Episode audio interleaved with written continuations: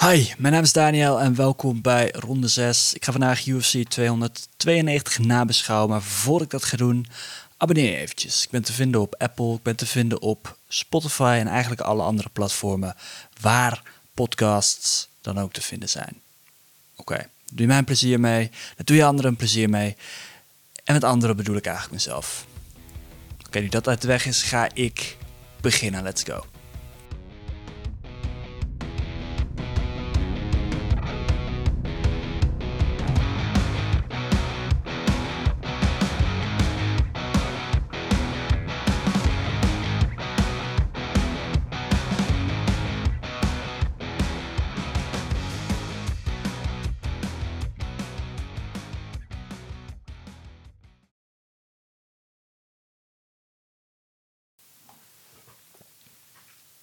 Oké, dan beginnen we met de algehele gedachte van het evenement. Wat vond ik daar nou van? Ik vond het, ik vond het evenement. Ik moet zeggen dat we de laatste twee evenementen enorm verwend zijn met, met, met de kwaliteit. Hm? Ik bedoel, UFC 290 heeft echt geleverd. dat was uh, Volkanovski Rodriguez. Het was een fantastisch, fantastisch evenement. Um, met, zeer, zeer goede gevechten, zeer goede uitschakelingen. Dan heb je UFC 291, Poirier versus Gaethje 2. Dat evenement leverde ook. Um, dus in dat opzicht hebben we gewoon heel veel uh, goede evenementen nu achter, of ja, twee goede, goede evenementen achter de rug. En dat, um, dat bouwt ook aardig wat verwachting op. Dus dit evenement. Het voelde, het voelde groot in de zin van, hè, er stonden aardig wat namen op waar je dan toch enigszins verwachtingen van hebt. Maar als we dan kijken naar, naar, ja, naar de main card, dan zien we toch veel beslissingen. Daar waar de evenementen hiervoor vaak knockouts leverden of gevechten van het jaar eh, op, op het evenement hadden staan. Dus in dat opzicht voelt het voor mij ietsje minder groot dan de voorgaande evenementen. Maar dat komt eigenlijk ook omdat we gewoon zo erg verwend zijn de laatste tijd.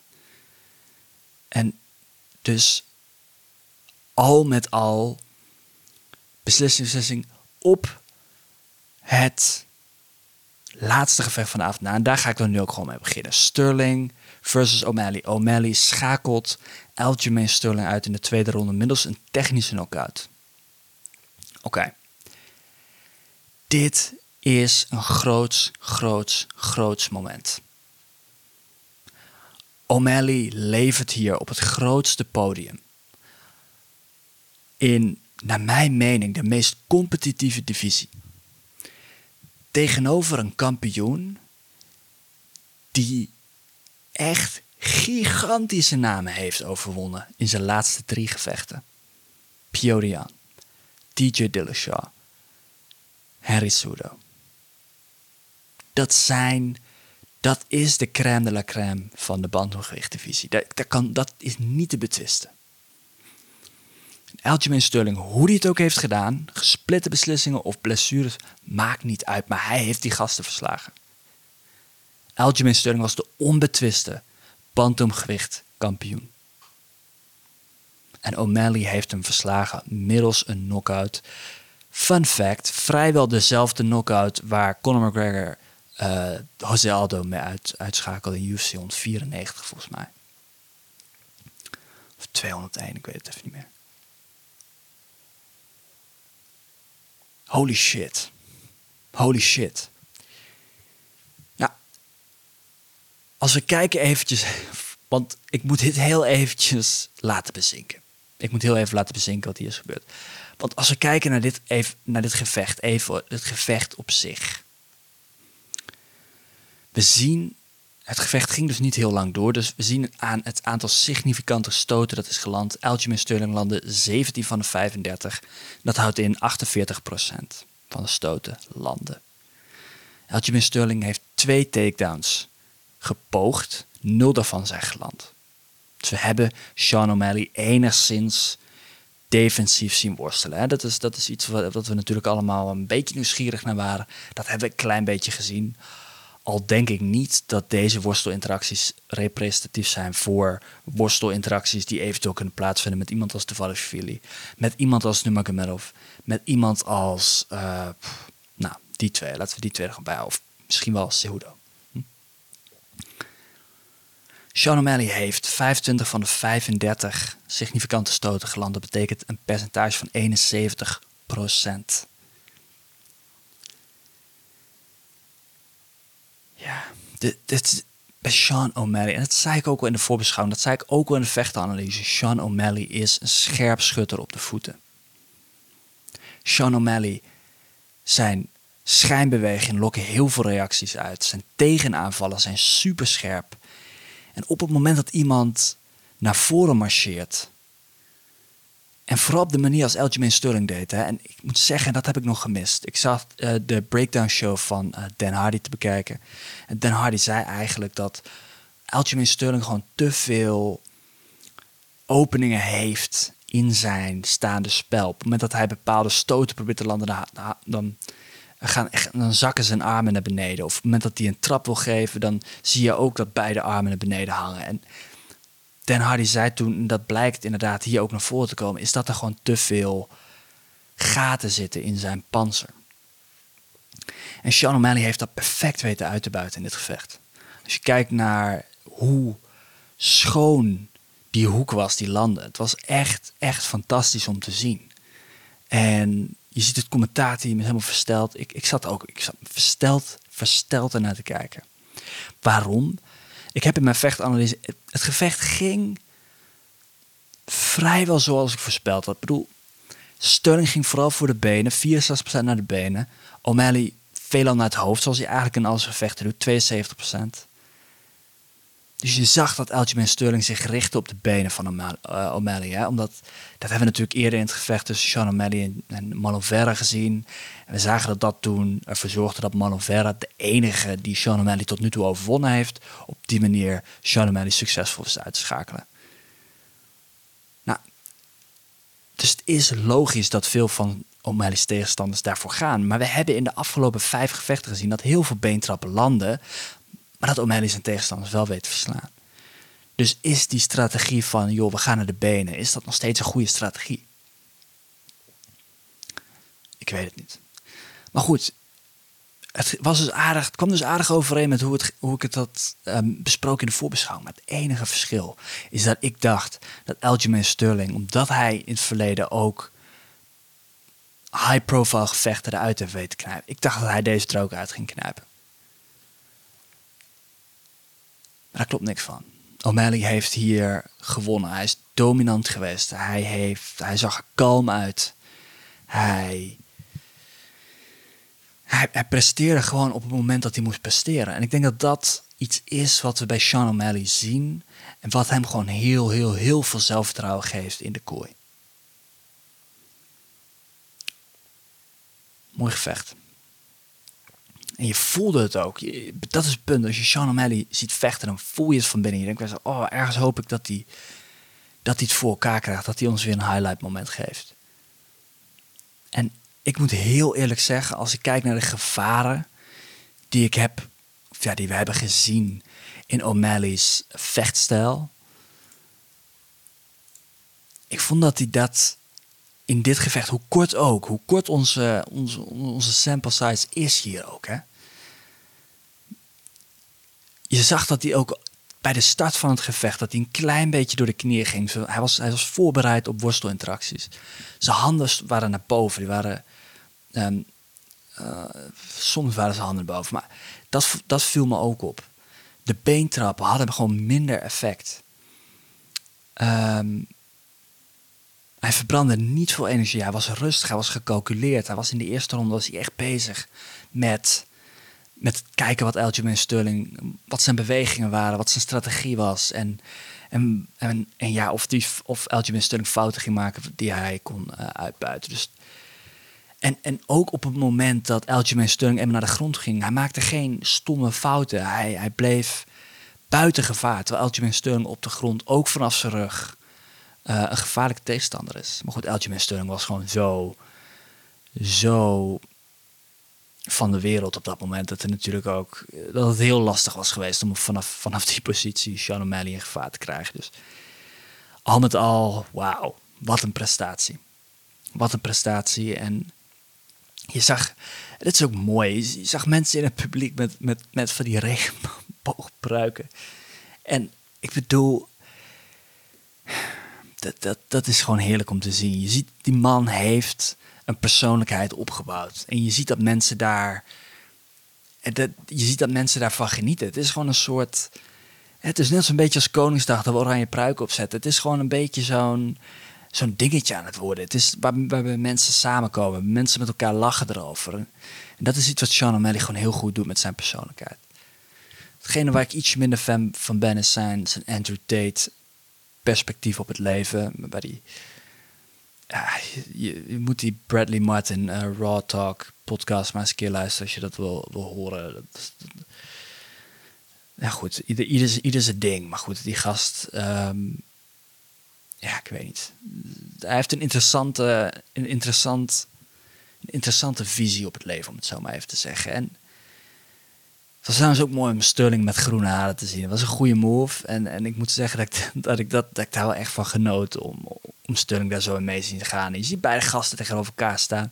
Beide gevlecht haren, beide een andere kleur. En man, het was echt, dit was een mooie... Die twee gasten hebben het gevecht goed verkocht voor mij. Dat, uh, ben ik met zijn. Oké, dan gaan we naar het ene laatste gevecht van de avond. En dat is Zhang Weili verslaat Amanda Lemos met een unanieme beslissing van de jury. Krijgt ook de Performance of the Night bonus. Sean O'Malley heeft ook de Performance of the Night bonus gekregen. Um, dit was een dominant gevecht. Dit was een dominant gevecht. Jean Weili landt 163 van de 217 stoten. Amanda Lemos 24 van de 63. En dat niet alleen. Zhang Weili landt 75% van haar stoten en Amanda Lemos 38%. Dat betekent niet alleen dat Zhang output vele, vele malen hoger was dan die van Amanda Lemos. Nee, dat haar precisie ook nog eens vele malen hoger was. Het komt waarschijnlijk omdat Zhang Weili veelal op de grond heeft, een dominante positie op de grond had. En vanuit daar is het veel makkelijker om raken stoten te landen. Dat zag je ook in die, in die crucifix-positie op het einde. Ik bedoel, het hoofd van Amanda Lemos is gewoon volledig onbeschermd. En de stoten die Jean Willy poogt, die landen dan ook veelal. Hè? Verder zien we zes van de zeven takedowns van Jean Willy zijn geland. Dat betekent 85%. En we zien een controletijd van 16 minuten en 7 seconden. Dat zijn drie volle rondes dat Jean Willy Amanda Lemos volledig onder controle had.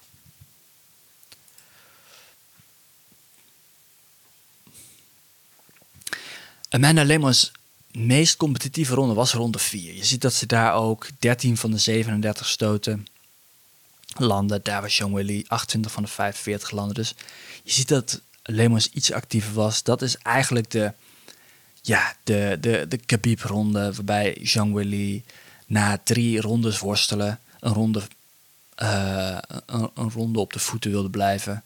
Om, um, om zo even wat op, ja, weer even op adem te komen. Na, na drie harde rondes worstelen. Je ziet dat ze daarvoor gewoon aardig wat tijd op de grond heeft besteed. In de laatste ronde, Jean-Willy haalde Lemos weer naar de grond. En het was gewoon, ja, weer hetzelfde liedje. Dominantie.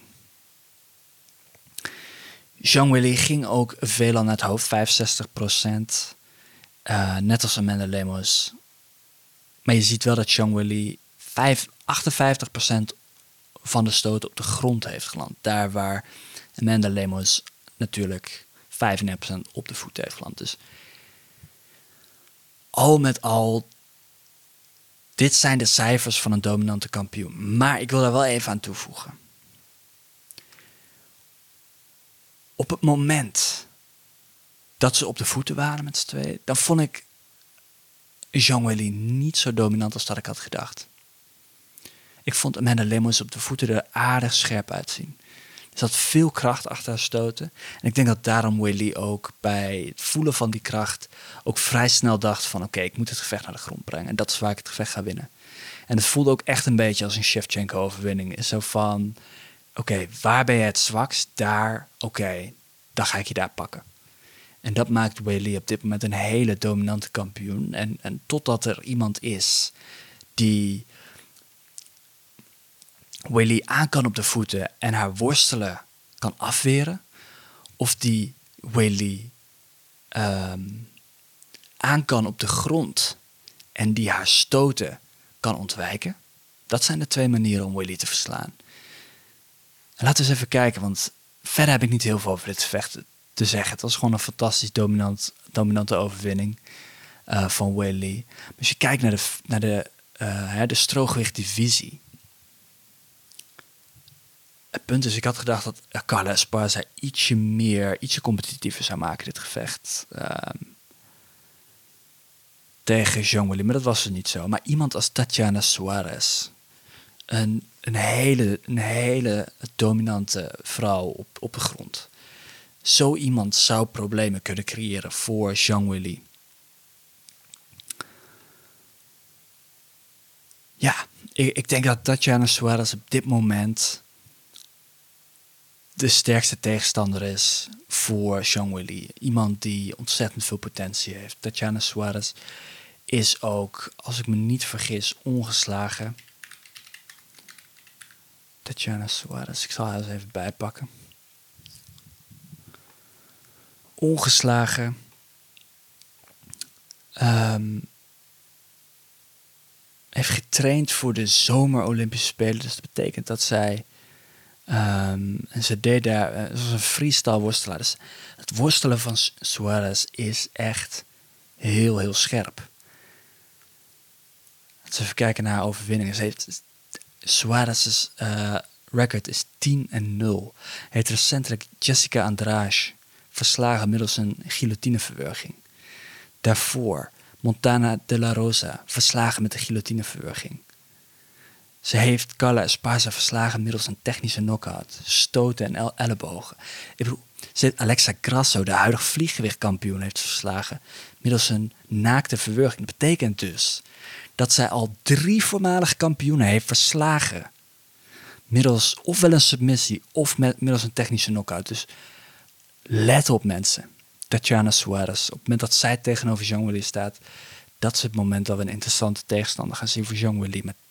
De rest van de divisie, ik, ik vraag me af wat hun, wat hun, uh, wat hun kans is. Oké, dan ga ik naar het volgende gevecht. Dat is Gary, Ian Gary versus Neil Magny. Ian Gary verslaat Neil Magny middels een unanieme beslissing van de jury. Gary zag er goed uit. Magny heel huiverig. Heel huiverig op de voeten. Um, en oké, guys. Dit is waarom ik altijd zo hamer op die beentrappen in gevecht. Ik had laatst met iemand een.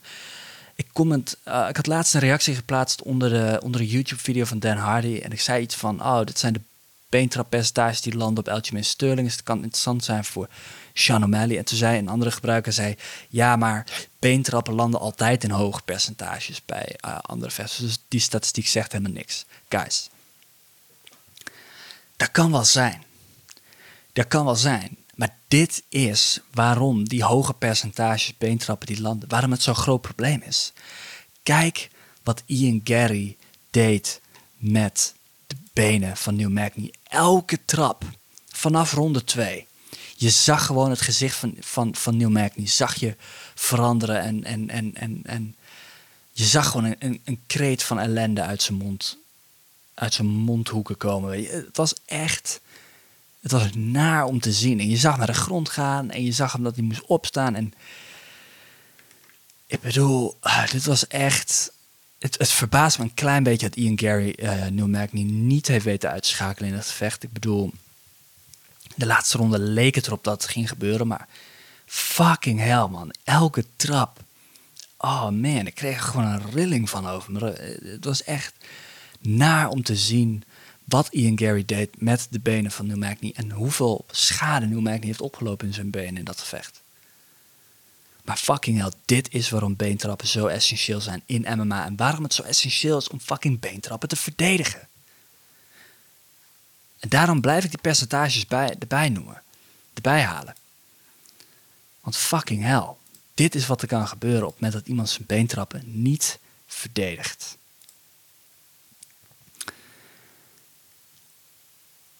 Ja, je ziet inderdaad, Ian Gary landde 43 van de 43 beentrappen in dit gevecht. 43 beentrappen. Dat is 100% van de 43 beentrappen. Dat is crazy. Dat betekent dat Neil die geen enkele trap heeft weten, te verdedigen. En dat, er gaat, er gaat iets gebeuren in de toekomst waardoor die beentrappen minder effectief gaan blijken. Er gaat, mensen gaan een bepaalde verdediging. Het is ook knie naar buiten draaien. Je trapt vol tegen de schenen en daarna trap je ook gewoon niet meer. Hè. maar goed, dit is makkelijk praten vanuit mijn perspectief. Ik ben geen, uh, geen vechter. Ik ga ook zeker niet zeggen dat ik het wel zou kunnen. Maar man, je ziet gewoon zo vaak problemen met beentrap ontstaan. ik denk van wanneer wordt dit nou een standaard uh, verdedigingsmanoeuvre? Want Oké, dominante overwinning. Ik had Gary, uh, Gary graag Mac niet willen zien uitschakelen. Dat had ik graag willen zien. Dat hebben we niet gezien. Maar goed, het is ook niet makkelijk om Gary uh, of om New Mac niet uit te schakelen. Want die man is, heeft met iedereen in de top van de weltergewichtdivisie in de kooi gestaan. Hij heeft overwinningen over sommige van de beste vechters in de UFC. Dus uh, dit, dit is een hele indrukwekkende overwinning. Maar als we het heel eventjes gaan hebben over de berichten online die we zagen over Ian Gary recentelijk. En dat waren de berichten dat Ian Gary probeert McGregor te imiteren. En ik moet heel eerlijk zeggen, ik ben het ermee eens. Want hij recycelt echt wel wat oude lijnen van, uh, van McGregor. En dan heb ik het niet over kooklijnen, nee, ik heb het over one-liners. Oké? En het komt gewoon, en mijn conclusie is eigenlijk, het komt gewoon niet natuurlijk voor Ian Gary. Ik denk dat hij van nature vrij respectvol is. En ik denk omdat hij Iers is, dat hij vindt dat hij ook goed moet met de microfoon moet kunnen omgaan. En dat hij die trash talk wil, um, wil, wil geven. En hij wil, hij wil een spektakel van maken. Hij wil het gevecht verkopen. Maar je ziet gewoon dat het nog niet natuurlijk komt. En ik denk dat hij daarom een beetje terugvalt op dingen die eerder in het verleden enorm succesvol zijn gebleken. En dat zijn McGregor's zinnen. Dat zijn McGregor's one-liners. En ik zou zeggen, geef hem gewoon wat tijd om in die rol te groeien. Maar tot nu toe, het is cringy. en mijn nekharen gaan er van overeind staan. Ja, het is, het is echt niet om aan te horen. Maar ik geef hem nog even het voordeel van de twijfel. 25 jaar, is nog vrij jong. Dus uh, misschien dat hij binnenkort met wat materiaal van zichzelf komt. En dat het dan fantastisch gaat zijn. Want ik snap wel dat hij daar een beetje op terugvalt. Want het materiaal wat we tot nu toe van hemzelf gezien hebben is uh, die respectloze shit. En dan Neil niet is van, nou, hij slaat zijn eigen zoon. En uh, ik bedoel, het is zo'n walgelijke poging om het publiek tegen Neil niet te krijgen. En dat laat je gewoon. Dit, ik vond dat um, Ian Gary echt overkwam als een snotneus en die bij de hand loopt te doen. Want het punt is.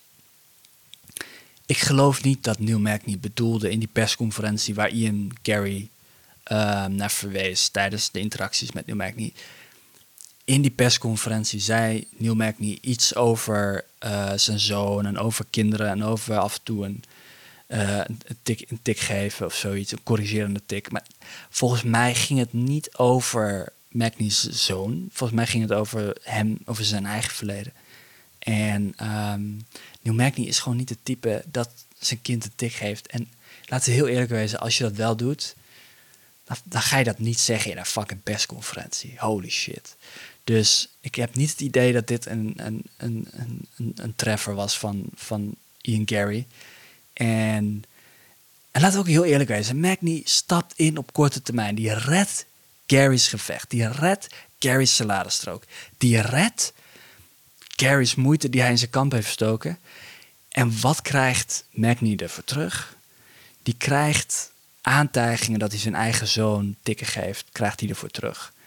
Die krijgt respectloos gedrag in de kooi krijgt hij ervoor terug. Die krijgt middelvingers terug. Die krijgt, die krijgt gewoon een snotneusje dat, uh, dat, dat de stik probeert te maken van, van een, een uit context gehaalde opmerking. Ik vond dat gewoon niet zo, niet super netjes. En ik, dit is denk ik mijn grootste probleem met Gary. Niet het feit dat zijn trash talk niet, niet goed is en dat hij oude lijnen van McGregor recycelt.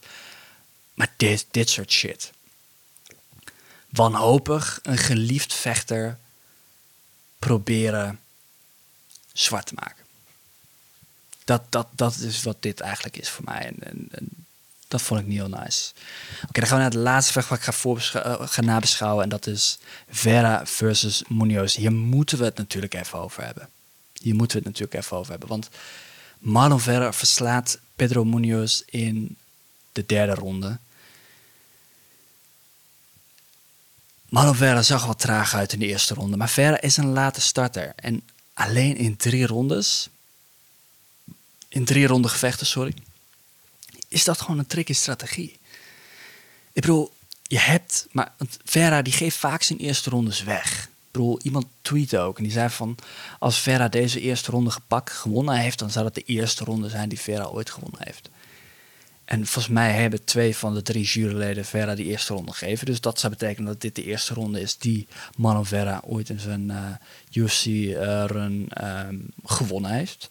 Dus gefeliciteerd Marlon Vera. En luister, Marlon is een van mijn favoriete vechters in de UFC op dit moment. Alleen die trage start, dat is zo riskant. Dat is zo'n riskante strategie. Vooral, want op het moment dat je de eerste ronde weggeeft in een drie ronde gevecht, dan hoeft, die, hoeft je tegenstander nog maar één ronde te winnen. Nog maar één ronde te pakken. Er hoeft maar één ding te gebeuren en het gaat fout.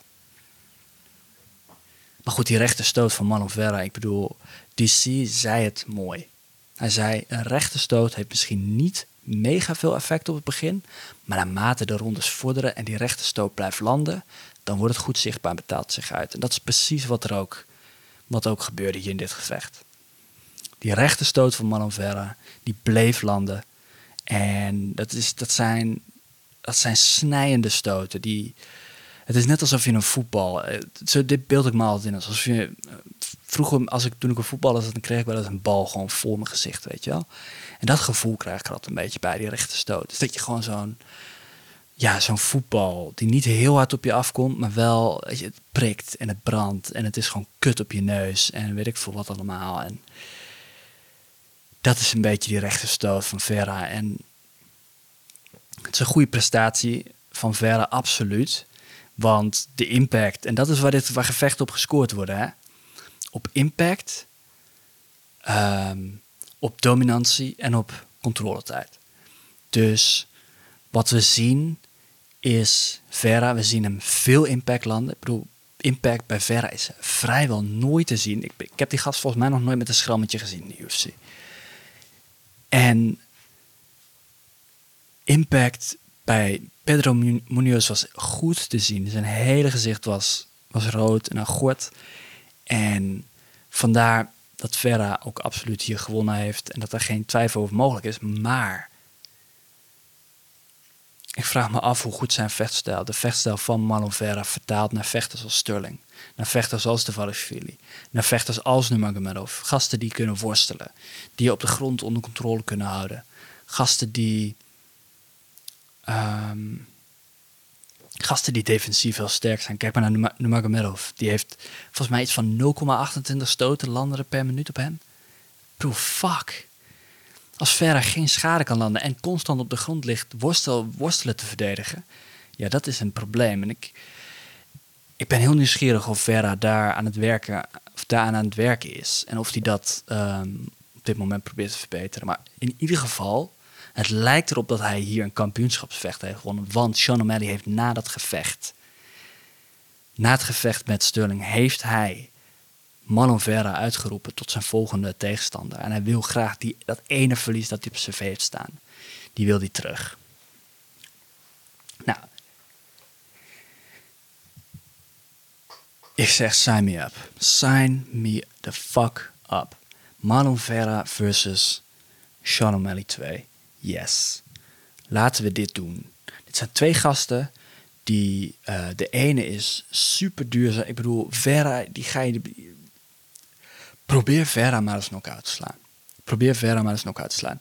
En Sean O'Malley leunt heel erg veel op zijn knockout. Maar goed, hij heeft ook veel volume, dus we kunnen ook een, een volumineuze aanpak zien van Sean O'Malley in dat gevecht. Maar holy shit. Vera die vijf rondes lang O'Malley gaat proberen uit te vogelen in de latere rondes steeds sterker en steeds preciezer en steeds oh, krachtiger wordt. Ik bedoel, dat, is fantastisch. Fantastisch gevecht. Ik denk ook dat dat een heel, heel competitief gevecht is. Dus vandaar dat ik echt heel erg nieuwsgierig ben naar dat gevecht. En op het moment dat de tijd daar is, hopelijk in december, dan ga ik dat absoluut voorbeschouwen. Oké. Ik ga hiermee de nabeschouwing afsluiten. Ik hoop dat mensen hebben genoten van het evenement. Ik zelf heb ervan genoten. Maar goed, de lat ligt gewoon op dit moment heel erg hoog als je kijkt naar de vorige twee evenementen. Evenement over het algemeen, nogmaals, dat is oké. Maar de kerst op de taart is O'Malley, de nieuwe, de nieuwe. En ik ben heel nieuwsgierig hoe lang hij kampioen blijft. Dat heb ik ook al eerder gezegd. Ik denk dat er een aantal stijlen zijn in de UFC die het hem echt heel, heel moeilijk gaan maken. Maar dat gaan we zien wanneer dat gebeurt. Eerst O'Malley versus Vera 2. En daar heb ik echt ontzettend veel zin in. Oké, dank voor het luisteren. Mocht je het nog niet hebben gedaan, abonneer je eventjes. Apple, Spotify. Klik op die knop. Ehm, ja, daar steun je dit kanaal gewoon mee. En dat, dat, dat, dat, ja, daar heb ik gewoon echt, echt heel veel aan. Dus dank daarvoor. Voor de mensen die zich geabonneerd hebben, jullie bedankt. Um, ik waardeer het heel erg. En uh, oké, tot de volgende. Oh, by the way, shout-out naar uh, Vechtsportinfo. Zij hebben mijn uh, voorbeschouwing laatst ook gerepost. We zijn nog een beetje bezig met uitzoeken hoe we dat precies goede vorm kunnen geven. Maar shout-out naar die gasten voor vechtnieuws, et cetera. Um, ja, check, het, check dat vooral. ze zijn volgens mij een van de grootste spelers in de Nederlandse markt. Ze zitten er bovenop. Ze posten veel. Dus ja, bekijk het vooral. En ik hoop dat we mooie, uh, een mooie ja, soort van samenwerking daarin uh, in kunnen starten. Dus dank je daarvoor en check it out. Oké.